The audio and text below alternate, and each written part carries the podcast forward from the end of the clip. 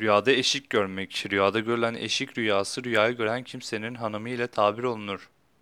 Rüyasında eşikten atladığını gören kimsenin başından bir olay geçeceğini işarettir. Rüyada eşik üzerinde oturduğunu gören kimsenin evleneceğini işaretle yorumlanır. Rüyasında kapısının eşiğini çıkardığını gören kimse karısını boşar şeklinde tabir olunur. Rüyasında kapının üst eşiğinin kaybolduğunu gören kimsenin karısı ölür şeklinde tabir olunur.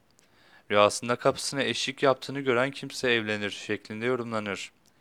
Bazı yoruma göre rüyasında kapı eşiğinden atlayıp içeriye girdiğini görmek bir sınava gireceğine ve o sınavdan başarıyla çıkacağını işaret eder denmiştir.